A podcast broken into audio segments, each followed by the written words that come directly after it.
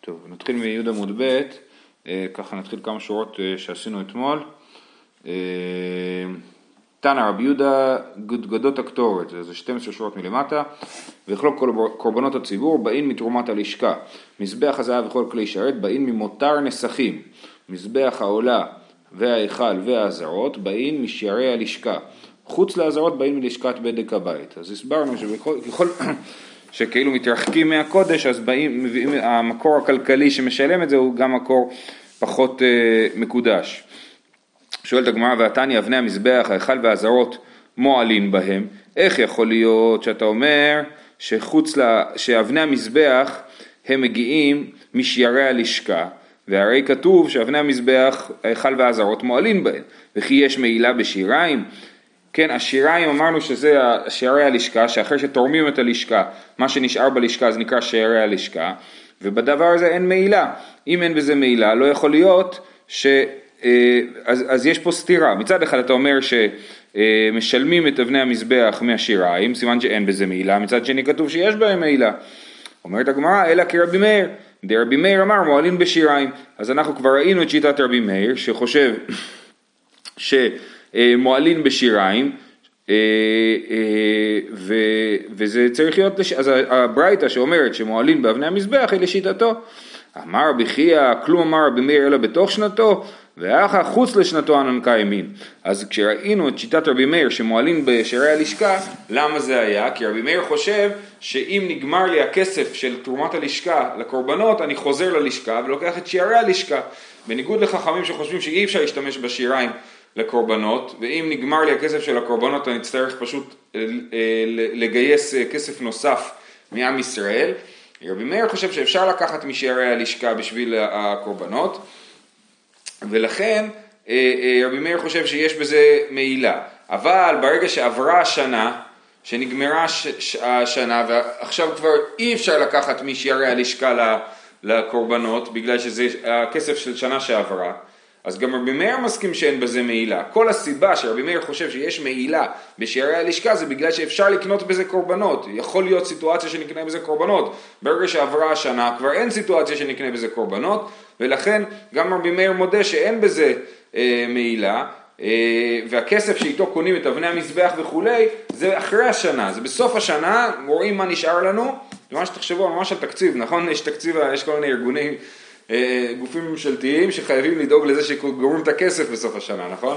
אז זה גם, נגמר השנה, נשאר הכסף, מה עושים איתו? קונים אבני מזבח, קונים כלי שרת, קונים כל מיני דברים. אז על זה מדובר פה, ולכן אפילו התירוץ ש, שזה כשיטת רבי מאיר, שלרבי מאיר יש מעילה בשיריים, התירוץ הזה נופל. בדק הבית זה שיריים? בדק הבית, לכאורה, אני, אני לא חושב שיש בו אה, עניין של שנה. כן, אני חושב שיש בו, הוא לכאורה הוא, אה, אין בו עניין של שנה ושנה, זה, אין שום סיבה שיהיה. אה, בקיצור, אין לזה תירוץ, אנחנו ממשיכים. אמר רבי חזקיה, תנא רבי יהודה גודגניות, השולחן והמנורה והמזבחות והפרוכת מעכבים את הקורבנות. כנראה שבגלל שהביאו מקודם מימר של רבי יהודה גודגניות, אז מביאים עוד מימר שלו, שהוא אומר שאם השולחן והמנורה והמזבחות והפרוכת לא במקום, אז זה מעכב את הקורבנות. לכאורה זה גם שאלה מעניינת לעניין קורבן פסח, האם דבר כזה יעכב את קורבן פסח, האם אפשר להקריב קורבן פסח כשאין לך את כל כלי המקדש במקומם. אה, דיבר רבי מאיר, וחכמים אומרים אין לך מעכב את הקורבן אלא הכיור והקן בלבד, וזה גרסה מאוד קשה, למה שהכיור והקן שהם לכאורה כלי מזבח פחות דרמטיים יעכבו את הקורבן, לכן הגאון מווילנה גורס פה הקרקו והקרן, שזה חלקים של המזבח, כן, במזבח יש קרניים למזבח, לכל, אה, כן, ארבע קרניים, אה, וקרקוב זה איזשהו פס באמצע של המזבח שמסמן את האמצע שלו, אז זה, זה לפי הגאון מווילנה זה מה שצריך לגרוס פה, כן? אז אין לך מעכב את הקורבן, וזה דברים שקשורים למזבח בעצמו, וזה הגיוני שהם יעכבו את הקורבן. זאת אומרת, המחלוקת האם הכלים שהם לא חלק מהמזבח מעכבים את הקורבן, או, הכלי, או רק המזבח בעצמו. ולא כן אמר רבי אלעזר ורבי יוסי בר חנינא, כן, עכשיו יש פה, זה היה ברייתא, נכון? רבי מאיר וחכמים. ועכשיו יש פה שיטות של המוראים. ולא כן אמר רבי אלעזר ורבי יוסי בר חנינא, תרהון אמרין, כל הן דכתיב נוכח מעכב, צלע אינו מעכב, כן, כתוב על השולחן ששמים אותו על צלע המשכן צפונה, ואת המנורה כתוב ששמים נוכח השולחן, מול השולחן מהצד הדרומי, כן? אז, אז איפה שכתוב צלע זה לא מעכב, איפה שכתוב נוכח זה כן מעכב, אז חלק מהכלים מעכבים וחלק מהכלים לא. ואמר בשמואל בר נחמן בשם רבי יונתן אפילו צלע מעכב, ואמר רבי הילה בשם רבי שמואל בר נחמן אפילו סימה מעכב, אפילו דבר שכתוב עליו לשים, כמו את הפרוכת, כן? אה, ארון ופרוכת ומזבחות שכתוב בהם וישם, אה, אז זה מעכב. אז אה, יש פה בעיה, חכמים אמרו שלא מעכב רק הכיור והקן בלבד, או הקרקו והקרן בלבד, תלוי איך גורסים. ופה יש אמוראים שמציעים כל מיני אופציות אחרות של מה מעכב ומה לא, אז מה, איך, איך מיישבים את הדבר הזה? אמר רבי חנינא, כאן בעבודות שבפנים, כאן בעבודות שבחוץ. העבודות שבחוץ באמת רק, רק המזבח מעכב לפי חכמים. ועבודות שבפנים באמת אי אפשר לעשות את העבודות שבפנים אלא עם כל הכלים במקום וזה המחלוקת של האמוראים האם צריך שכל הכלים יהיו במקום או רק חלק מהכלים יהיו במקום. כן, מה זה עבודות שבפנים, נגיד, לא יודע, עבודת כהן גדול ביום הכיפורים, הקטרת קטורת, כל מיני עבודות שבתוך ה, בתוך המקדש או המשכן. אה, אמר רבי חנינא, שחצית גדולה הייתה בבני הכהנים גדולים, כן, שחצית אה, זה אה, שוויץ, כן? שח, שחצנות. מה? כן. אה, הייתה בבני כהנים גדולים, שיותר מ-60 כיכרי זהב היו מוציאים בה שהיא, שהיה כבש של פרה עומד. כן, אמרנו שהיה כבש של פרה, נכון? במשנה אמרנו, אבא שאול אומר, כבש פרה כהנים גדולים עושים משל עצמם, מהכסף של עצמם, הם עושים את זה. מה זה הכבש של הפרה? גשר מהר הבית עד להר הזיתים, זאת אומרת על כל נחל קדרון. עכשיו זו שאלה מעניינת, אתמול ראיתי שכתבו שלא יכול להיות באמת גשר ישר, מכון המקדש מציירים שם, כן, אה, במכון המקדש מציירים כאילו גשר כמו אמות המים של קיסריה כזה, בצורה של קשתות כאלו, זה הזיה, זה כאילו, זה פרויקט בנייה מטורף, כן? אז לכן יש טוענים שמדובר פה על איזשהו גשר, פשוט גשר שהוא ממש קרוב לקרקע, אבל הוא חוסם את הטומאה, כן? לא צריך ש... אה, לא צריך שהגשר יעמוד אה, בגובה, לא צריך להיות בשביל לחסום את הטומאה. לא, יכול להיות שהיה גשר גם ככה, יציאה מהר הבית, עד כבר איפה שהיום נגיד מתחיל, ועובר את נחל קדרון. וכבר שם מוסיפים עוד גשר זה כבר יותר... יכול להיות, אבל זה כל הקטע, זהו, עכשיו אנחנו מגיעים אלינו. בכל אופן, אז הם עשו גשר כבש לפרה אדומה שלא תטמא מטומאת מת. אנחנו מאוד מאוד מחמירים בפרה אדומה, מחמירים גם מספקות וספקי ספקות. לא רוצים שהיא תזוז, תעבור בכל מקום שאנחנו לא בטוחים בו במאה אחוז, לכן בונים את הגשר הזה. אז, אז... גם הגידול שלה זה אותו סיפור? כן. גם הגידול שלה צריך להיות בטהרה גמורה כן, כן, ולא כן. הגידול של הפרה לא, הגידול של הילדים שמביאים את המים מהשילוח זה בטהרה גמורה. אה. כי בעל חיים לא מקבל טומאה, אבל בני אדם מקבלים טומאה. אה, אז אה, שחצית גדולה הייתה בבני כהנים גדולים שיותר מ-60 כיכרי זהב היו מוציאים בה, שהיה כבשה של פרה עומד, ולא היה אחד מהם מוציא פרתו בכבשו של חברו, אלא סותרו ובונה אותו משלו.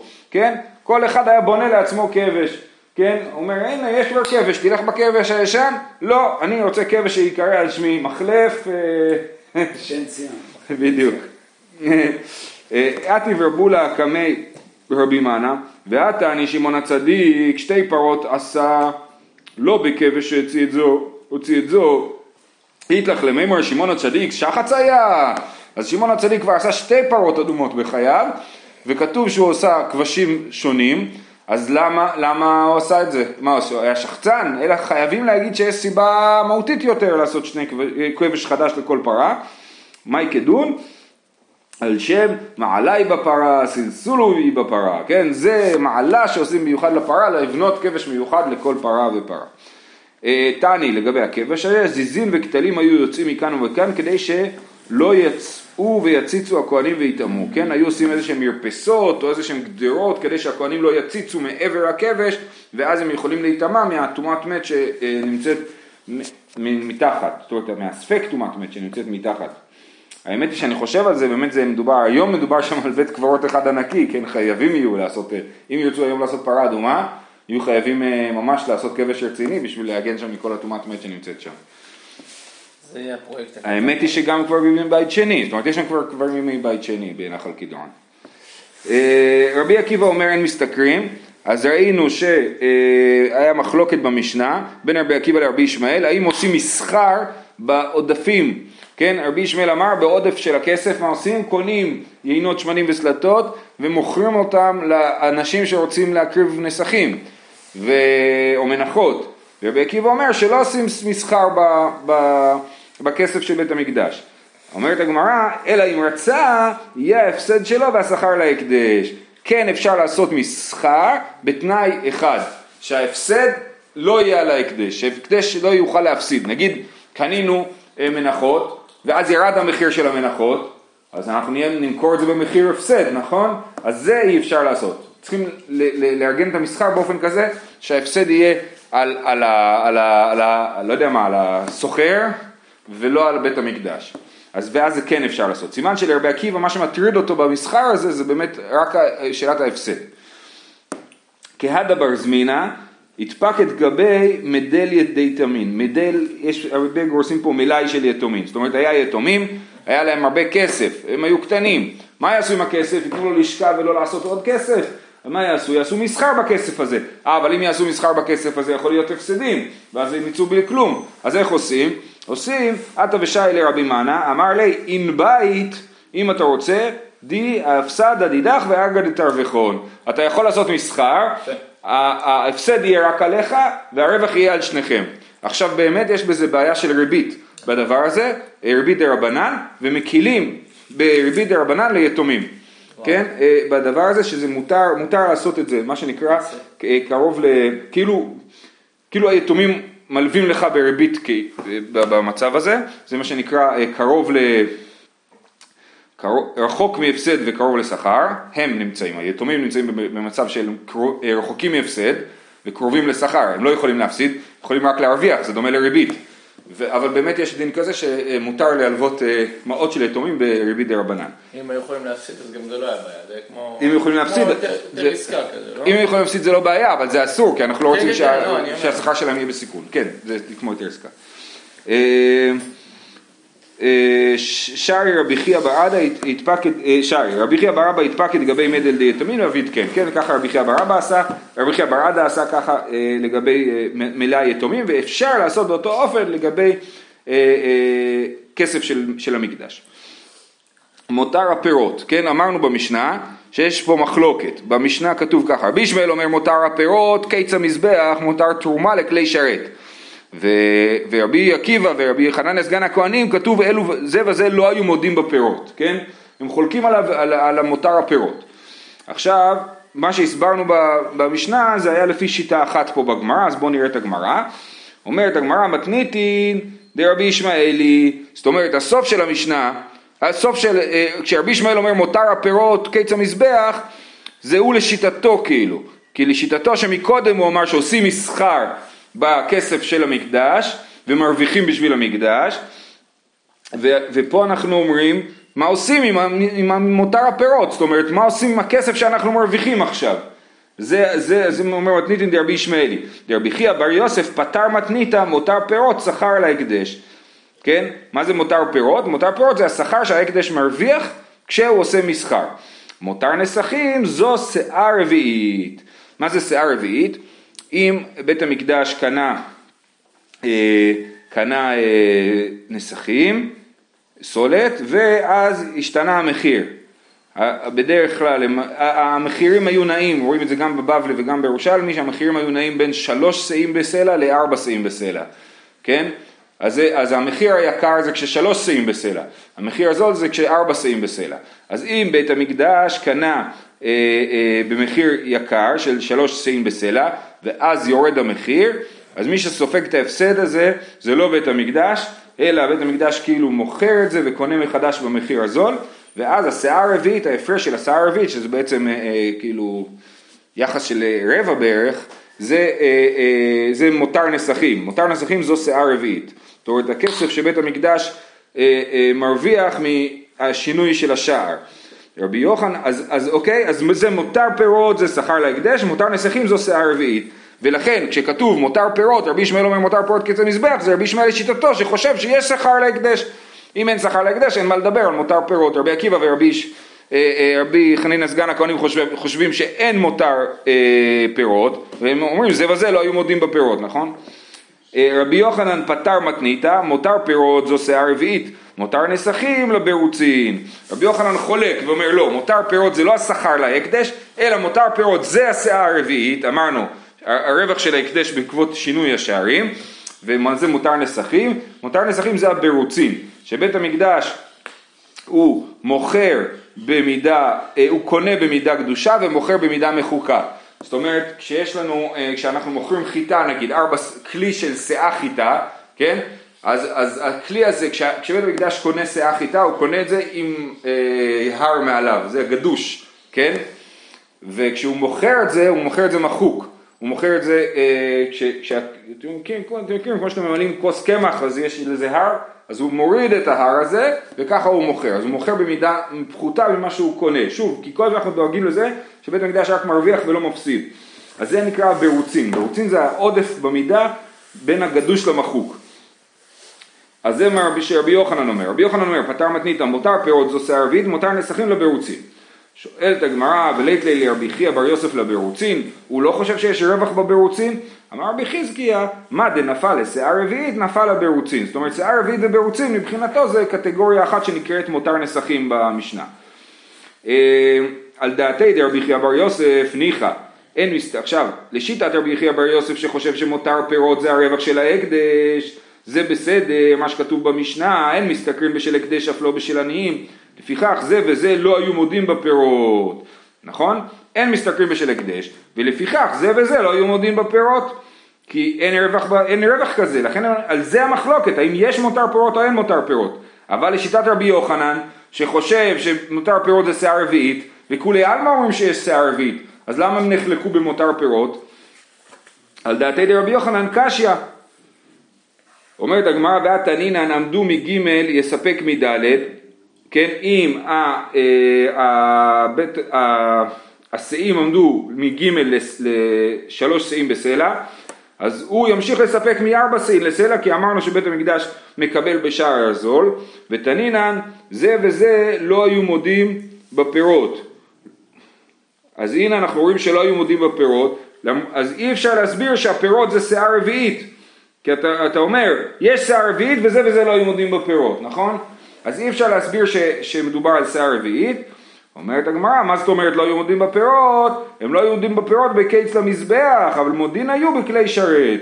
לא, מה שכתוב שהם לא היו, זה במשנה, שזה וזה לא היו מודים בפירות, וגם בברייתא, לא הכוונה היא שהם לא מודים שיש כסף בזה, כזה בכלל שנקרא מותר פירות, אלא הכוונה היא שהם לא מסכימים עם רבי ישמעאל שחושב שמותר פירות הולך לקיץ המזבח, הם אומרים לא. מותר הפירות הוא בדרגה נמוכה יותר והוא לא יכול להגיע לקיץ המזבח, אי אפשר לקנות ממנו קורבנות, אפשר לקנות ממנו רק כלי שרת. אה, אז זהו, זה נשאר מחלוקת בין רבי יוחנן לרבי חייא בר יוסף, האם מותר פירות זה המותר נסכים או מותר, סליחה, האם מותר פירות זה שכר להקדש כמו רבי ישמעאל או שמותר פירות זה שיער רביעית. אה, אומרת הגמרא, עד כדון בערוצי ציבור, אפילו בערוצי יחיד, ולא נמצאו כלי שרת באים משל יחיד, מה קורה לגבי בערוצי יחיד, כן? זאת אומרת, היחיד שהוא עושה את ה... אה, שהוא תורם להקדש, או שהוא אה, מוכר להקדש דברים, כן? אז האם זה נחשב, העודף הזה נחשב לבערוצי יחיד, ואז יוצא שאת הכסף שהאדם היחיד הקדיש למקדש, בעצם קונים ממנו כלי שרת. איך זה יכול להיות? הרי אסור לקנות כלי שרת מכסף פרטי, רק מכסף ציבורי. ולא נמצאו כלי שרת בין משל יחיד, כהדד תנינן, אישה שעשתה כותונת לבעל נאה כשרה ובלבד שתמסרנה לציבור. כן, אז כבר ראינו את הרעיון הזה שאדם כן יכול להקדיש משהו פרטי ולהקדיש אותו לציבור. כמו האישה שתופרת כותונת לבנה הכהן הגדול, הכהן. אה, עוד שאלה, עד כדון בערוצי לך ואפילו בערוצי יבש, אה, כאידה תמינן תמן, טוב, פה יש באמת שתי שיטות אה, שונות לגמרי לקרוא את הסוגיה הזאת, אנחנו נלך לפי איך שהדין הסביר, שבאים להגיד שלא רק בערוצי לך, אלא אפילו בערוצי יבש, זאת אומרת, אמרנו, בערוצים זה הפער בין המידות השונות, ולא רק בערוצי לח נחשבים למותר נסכים וקונים מזה את ה... קונים מזה את הכלי שרת, אלא אפילו בערוצי יבש, כעיד את הנימן התמן, הנסכים שקדשו בכלי ונמצא הזבח פסול, אם אדם הקדיש קורבן ונסכים, וכבר שמו את הנסכים בתוך כלי שרת, הם התקדשו, ואז ראו שהזבח פסול, ואם ככה, אז הנסכים האלה אין מה לעשות איתם. אם יש שם זבח אחר, יקרבו עמו, אפשר להעביר אותם להיות נסכים של קורבן אחר, ואם לאו, לנו יפסולו בלינה, ואם לאו אז הם נפסלים בלינה ואז הם בעצם אה, אה, קודשים פסולים. אני חשבתי שברוצה לדבר רק ליבש, איך יכול להיות, אה, איך יכול להיות גובה של לך? כן, שאלה טובה, בואו נראה. אני חושב שזה כאילו כמו, אתה יודע, שאתה עושה גביע של הבדלה כאילו, שאתה שופך ומה שנשפך מסביב זה הבירוצים. אז היית חושב שדווקא זה, כי זה ממש נכנס לתוך הכלי, אז דווקא זה מתקדש, אבל התשובה היא שלא, שכל הדברים אנחנו אומרים להם שמתקדשים בכלי שרת, גם משהו מחוץ לכלי. יש כאלה שקוראים את זה אחרת, אנחנו נעבור עליו. אומרת המשנה, מותר הקטורת, מה היו עושים בה? כן, כל מי שקורא אה, פרשת הקטורת יודע שכמה מנים היו בה? 360, חמישה מנים, כיוון ימות החמה, אבל, בכמה, אבל כמה יש לנו? 354 ימים בשנה, נכון? אז יש 11 מנים מיותרים בשנה. מה עושים עם זה? זה אי אפשר להקטיר את זה שנה הבאה, כי זה קטורת של השנה. צריך להקטיר את הקטורת של השנה השנה ולא שנה הבאה. אז מה עושים אותה הקטורת? זה מסובך. מה היו עושים בה? מפרישים ממנה שכר האומנים. ומחללים אותה על מעות האומנים ונותנים אותם לאומנים בשכרם וחוזרים לוקחים אותם מתרומה חדשה ואם בא חדש בזמנו לוקחים אותם אם צריך להיות ואם לאו מן הישנה בסדר? אני אסביר יש לנו את מותר הקטורת מה עושים? לוקחים את המותר ומפרישים ממנה שכר האומנים אומרים כמה אנחנו צריכים לשלם לאומנים נגיד צריך לשלם להם 100 שקל ומותר הקטורת שלי שווה 150 אז לוקחים 100 שקל שמים אותו בצד ואז מחללין אותו על מעות האומנים. לוקחים את הכסף שאני אמור לשלם לאומנים ומעבירים את הקדושה מהקטורת לכסף ועכשיו הקטורת הפכה להיות חולין ואז אני מביא לאומנים את, ה, את הקטורת, החולין ואז יש להם, אז לי יש כסף קדוש ולהם יש קטורת חולין ואז הם כאילו מוכרים לי את הקטורת והכסף עובר אליהם ובמכירה הזאת כאילו הקטורת מתקדשת והמעות מתחללות. אז הם כאילו מכרו לי מחדש את הקטורת בכסף החדש של השנה החדשה ואז הקטורת הזאת אפשר להמשיך להשתמש בה כן? בגלל שהיא עכשיו קטורת שנקנתה מהכסף של השנה החדשה. אז נקרא את זה עוד פעם במשנה מותר הקטורת מה היו עושים בה? מפרישים ממנה שכר האומנים ומחללים אותה על מעות האומנים ונותנים אותה לאומנים בשכרן וחוזרים ולוקחים אותה מתרומה חדשה, ואם לאו מן הישנה, אם אין, אין תרומה חדשה אז קונים את זה שוב מהישנה. נכון, זו שאלה, אני לא, אני לא יודע מה להגיד על זה. אה, אין לי מושג, אה, לא יודע מה להגיד. אה, ולא, אומרת הגמרא... את זה לא. לא, במשנה יש לנו נוסחות יותר ברורות, כאילו, כן. אה, אומרת הגמרא, ולא נמצא הקדש מתחלל על ההקדש, הרי יש לך קטורת קדושה וכסף שאתה איתו הולך לשלם לאומנים, אבל איך הכסף הזה הוא לא קדוש? זה כסף של הקדש בעצמו, אז הוא בעצמו קדוש, אז איך אתה יכול להעביר קדושה מהקטורת לכסף של ההקדש, כי הכסף בעצמו קדוש? כיצד הוא עושה? אמר רבי שמעון בר ביסנא, מביא אמהות ומחללן על הבניין, ומביא קטורת ומחלל עליהן, ונותנים אותה לאומנים בשכרן. זאת אומרת, יש לי בניין שבנו האומנים לבית המקדש, בנו, שיפצו איזה קיר, עשו איזה משהו, הבניין הזה הוא לא קדוש, כן? בזמן הבנייה שלו הוא עדיין נחשב לחולין. ואז הם לוקחים את הכסף, מחללים אותה, את הקדושה שבו על הבניין, ואז את הכסף הזה הם עכשיו הכסף הוא חולין ואז הם ממשיכים את התהליך שהסברנו מקודם, כן? ומביא קטורת, הוא מחלל עליהן ונותנים אותה לאומנים בשכרן. אותן המעות, מה יעשה בהן? זה אה, משפט קשה, יש כאלה שמוחקים אותו, הביאור הגר"א מוחק את המשפט הזה, כן? אז אותן, אה, אה, אז רבי אומר, אז בואו נמחק אותו כמו ביאור הגר"א, רבי אומר, אומר אני יינתנו לבית גרמו ולבית אבטינס שהוא בקיאים בפיתום הקטורת ובמעשה לחם הפנים. הוא אומר, האומנים האלה, אמרנו שנותנים אותם בשכר האומנים. אז פה יצא עכשיו שכאילו הבאת את זה לאומנים שעובדים בבניין.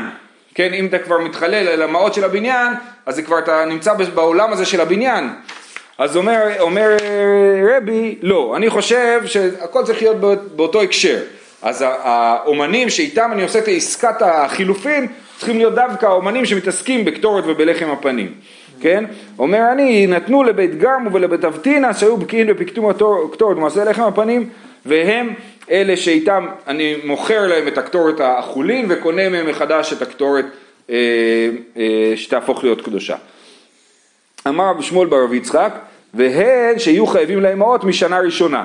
אפשר לעשות את זה רק כתשלום אחורה ולא כמקדמה. אם אנחנו לא חייבים לאומנים כסף, הפתרון הזה לא עובד. כן, רק אם אנחנו חייבים להם כסף אפשר לעשות את זה, כי אתה לא משלם מכסף של המקדש אה, אה, לאומנים מקדמה. שוב, כי מקדש לא מרוויח, הוא לא מפסיד רק מרוויח. רבי חייא ברבא... אה? כן. רבי חייא היה שם גם הרבה כסף. רבי חייא ברבא ביי, לא היו חייבים להם אמהות משנה ראשונה, מה לעשות? עכשיו, אין לי, יש לי מותר קטורת ואין לי אף אחד בית המקדש בלי חובות, סגר את כל החובות, מה הוא יעשה? עתה רבי בא בשם רבי חייא בשם רבי יוסי, מקייצים בהם את המזבח. מה עושים? לוקחים את הכסף. מפנקים את המזבח בבהמות. נכון. אבל איך זה עובד? שנייה. מקייצים בהם את המזבח. אוקיי, טוב. יש, פה, יש לי איזה בעיה פה. רבי בא בר כהן באי קומי רבי יוסי, מחלפה שיטתי דרך בחייא ברבא. תמן צריכה ליה וחא פשיטא ליה. זאת אומרת, בהתחלה מה קורה? רבי חייא ברבא שואל שאלה, ביי, לא היו חייבים להם עוד משנה ראשונה, מה לעשות, נכון? ואז עתי רבי בא בשם רבי חייא, אנחנו מבינים שזה אותו רבי חייא ברבא. אז רבי חייא הוא גם זה שהקשה וגם זה שתירץ, זאת הבעיה, כן? אה, מחלפה שיטתי לרבי חייא, מוחלפת שיטתו. בהתחלה תמן צריכה ליה וחא פשיטא ליה. בהתחלה הוא שואל שאלה ואחרי זה הוא עונה תשובה, אז איך זה עובד? אומרת הגמרא, הדה צריכה לי בכלי שרת, הדה פשיטא לי בקיץ למזבח. זאת אומרת, מה שהוא שואל, האם אפשר, כשהוא שואל מה לעשות אם לא היו חייבים מעות בשנה, משעה ראשונה, מה לעשות עם הכסף, אז הוא שואל את זה לגבי קניית כלי שרת בכסף. מה שפשוט לא זה שאפשר לעשות מזה קיץ למזבח. מה שהוא לא יודע זה אם אפשר לקנות בהם כלי שרת. עד פשיטא לי בקיץ למזבח. למה? דהתפלגון, יש מחלוקת, פיטמה בחולין. אם אני פיתמתי את הקטורת, יש לי קטורת, צריך להכין אותה, נכון? זה מה שאנחנו אומרים בפיתום הקטורת, 365 אמנים מיובא וכולי, איך מפטמים את הקטורת, נכון? עכשיו, אז יש מחלוקת, בעיקרון מפטמים את הקטורת מדברים קדושים, כן, ממוצרים שיש עליהם כבר קדושה, אבל מה קורה עם פיתמה בחולין? אם הוא לקח והכין את הקטורת בחולין, האם אפשר להשתמש בקטורת הזאת? רבי יוסי ברבי חנינא אמר פסולה, רבי יהושע בן לוי אמר כשרה, כן, רבי יוסי בר חינן אמר לא, זה חייב להיות פיתום בקודש. אה, רבי ישוב בן לוי אמר כשרה. מה טעמא דרבי יוסי ברבי חנינא קודש היא, כתוב על, על, על הקטורת קודש היא, מה זה אומר? שתהיה הווייתה בקודש, אז היא חייבת להיות בקודש, זאת אומרת, לעשות אותה קדושה. מה טעמא דרבי יהושע בן לוי? קודש היא שתהיה באה מתרומת הלשכה. זה לא חשוב לי שהיא תהיה קדושה, אבל חשוב לי שישלמו על זה מכסף קדוש, כן, מתרומת הלשכה. ולכן אפשר להכין את זה בחולין ולקנות את זה אחר כך בכסף קדוש ואז הקדושה תעבור לקטורת. אה, אה, וזה קשור למה ששאלנו מקודם, האם אפשר לקנות, אה, האם אני אומר שהכסף של הקטורת הוא, טוב, אנחנו נמשיך עם הדבר הזה. יש פה איזשהו יחס בין שתי הסוגיות, נכון? מה היחס בין המחלוקת על פיטמה בחולין לבין השאלה הקודמת, של האם אפשר לקנות בכסף של הקטורת אה, כלי שרת. אוקיי? Okay? הקשר הוא פה לא ברור, אבל הגמרא מנסה לחבר בין שניהם. בכל אופן אנחנו נמשיך. אה, תמה דרבי יהושע בן לוי אמרנו אמר רבי יוסי ברבי בון עטיה דרבי יוסי בר חנינא כשמואל דרבי יהושע בן לוי כרבי יוחנן. זאת אומרת יש התאמה בין מחלוקת רבי יוסי בר חנינא ורבי יהושע בן לוי למחלוקת שמואל ורבי יוחנן. או, או לשיטות רבי שמואל, רבי אה, שמואל ורבי יוחנן. דתנן דתנינן המקדיש נכסיו היו בהם דברים ראויים לקורבנות ציבור. רבי יוחנן אמר קטורת. במשנה הבאה אנחנו נלמד שמי שמקדיש נכסיו ואז מוצאים בנכסים שלו דברים שראויים להיות קורבנות ציבור. עכשיו לא מדובר שם על בהמות כי בהמשך המשנה מדובר על בהמות אז רבי יוחנן הסביר שמדובר על קטורת, כן? אז בן אדם הקדיש את נכסיו, ומצאנו משהו שראוי לקורבנות ציבור. מה זה? רבי יוחנן אומר קטורת. סימן שהוא חושב שהקטורת יכולה להיות חולין, ואחרי זה הוא מקדיש אותה, נכון? כמו שיטת רבי יהושע בן לוי שחושב שאפשר לפטם את הקטורת בחולין. אז רבי יושעיה מתרץ ואומר לא, אפשר להגיד שרבי יוחנן לא חושב כמו רבי יהושע בן לוי, אמר רבי יושעיה, תיפטר באומן משל בית אבטינס שהיה נוטל בשכרו קטורת. אומר לא, יכול להיות שמי זה שהקדיש נכסיו ו, אה, והיו דברים ראויים קורבנות ציבור, זה אומן של בית אבטינס, שהסברנו שהוא היה מקבל קטורת, קונה, מקבל קטורת ואז מוכר אותה חזרה למקדש, אבל הוא מת, או הקדיש את נכסיו, בהם בשל... לא מת, הקדיש את נכסיו בדיוק בשלב שהיה לו עכשיו קטורת בבית. אז הקטורת הזאת היא קטורת 100%, נכון? הכינו אותה כמו שצריך, רק אחר כך היו צריכים למכור אותה לאומן בשביל, בשביל למכור אותה חזרה לבית המקדש. אז, אז זה... אה, אז לכן לא חייבים להגיד שרבי יוחנן חושב שקטורת יכולה להיות מפותמת בחולין. אה, דרבי יוסי ברבי חנינא כשמואל, אז רבי יוסי ברבי חנינא חושב שאי אפשר לפטם קטורת בחולין, הוא כמו שיטת שמואל, ואמר אבונה בשם שמואל, מכתשת עשו אותה ככלי שרת לקדש, כן?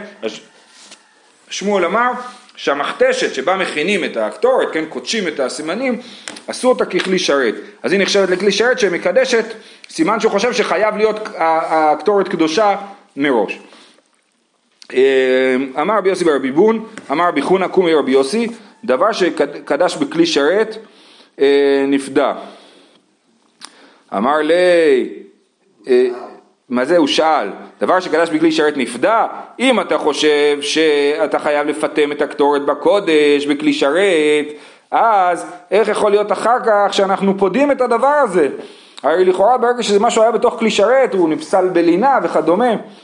אמר לי, ולא דשמואלי, דשמואל אמר קלו במותר. שמואל חושב שהקלנו במותר. כן, באמת, משהו בכלי שרת אי אפשר לפדות אותו, אבל ברגע שהוא הופך להיות מותר, ברגע שהוא הופך להיות משהו שנשאר מיותר מתוך ה... מה שאנחנו צריכים, אז הקלו בו. דהתבלגון, הנה יש לנו מחלוקת דומה, הותירו תמימים. בבית המקדש היה לנו כבשים שכבר היו מיועדים לשחיטה, אבל נגמרה השנה. כן, כתוב שצריך להיות לנו תמיד שישה טלאים בדוקים ב- בלשכה, שאם נצטרך קורבן יהיה לנו אה, שישה טלאים ספייר. הנה נכנס, נכנסה השנה החדשה א' ניסן ונשארתי עם שלושה ארבעה תמימים. מה עושים? שמואל אמר נפדין כתמימים, אין בעיה. זה שהם קדושים זה לא מפריע לי, ברגע שהם מותר, לפדות אותם. רבי יוחנן אמר נפדין כפסולי המוקדשים, לא, אי אפשר יותר, הם כבר נחשבים למוקדשים ולכן הם יראו עד שיסתאבו ורק אז יהיה אפשר, ייפול באמום ורק אחרי שיפול באמום יהיה אפשר אה, לחלל אותם. אה, הותירו שעירים, מה קורה אם הותירו שעירים, לא, אה, לא כבשים על שעירים, על דעתי דשמואל, אם עולה נפדית, לא כל שכן חטאת, לשיטת שמואל ברור שאפשר לפדות אותה. די רבי יוחנן אמר בזעירה, יראו. רבי יוחנן גם חושב שהם יראו אה, אה, כמו הטלאים, גם השעירים שמיועדים לחטאת ראש חודש וכדומה, הם יראו. אה, אמר רבי שמואל ברבי יצחק, מקייצים בהן את המזבח, אפשר בשעירים האלה לקיץ המזבח, וקשיא יש חטאת שקרבה עולה, איך יכול להיות שזה היה מוקדש לחטאת ועכשיו אתה עושה בזה קיץ המזבח זה עולה? אמר רבי יוסי, השניה היא שאין קורבנות ציבור בור נקבעין אלא בשחיטה. הרגע שבו הקורבן ציבור מקבל את הייעוד שלו זה רק בשחיטה ולא לפני כן. ולכן אפשר לקחת את השעיר ולהקריב אותו בתור עולה. אמר רבי חייא, תנאי בית דין הוא על המותר שיקרבו עולות. יש פה שיטה אחרת שאומרת, יש תנאי בית דין, מהרגע שהקדשנו אותו, אמרנו אם זה לא ילך מה שהקדשנו אותו, אז הוא יהפוך להיות עולה, ולכן מותר להסב את הייעוד של השעירים האלה.